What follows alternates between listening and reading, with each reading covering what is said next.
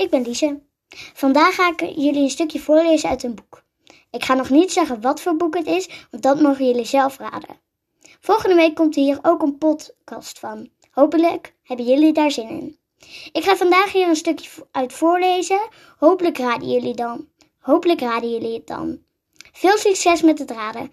Ik ga nu een stukje voorlezen. Veel plezier. Nederland, 21ste eeuw na christenen. Rudy van Houten reed met zijn vrachtwagen over de weg. Het was koud, maar Rudy had het juist warm. Hij was een beer van een kerel, met woeste krullen en, een gespierde nek, en tatoeages van draken op zijn arm.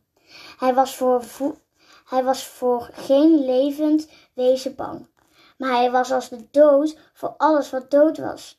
En nu reed hij met drie dode mummies in zijn land, laadbak naar, de naar het Gobberen Museum. Een extra ritje had zijn baas gezegd.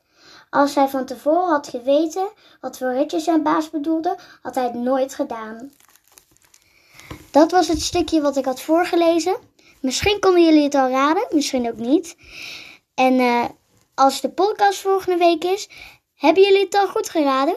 Niet vals spelen, hè? Doei!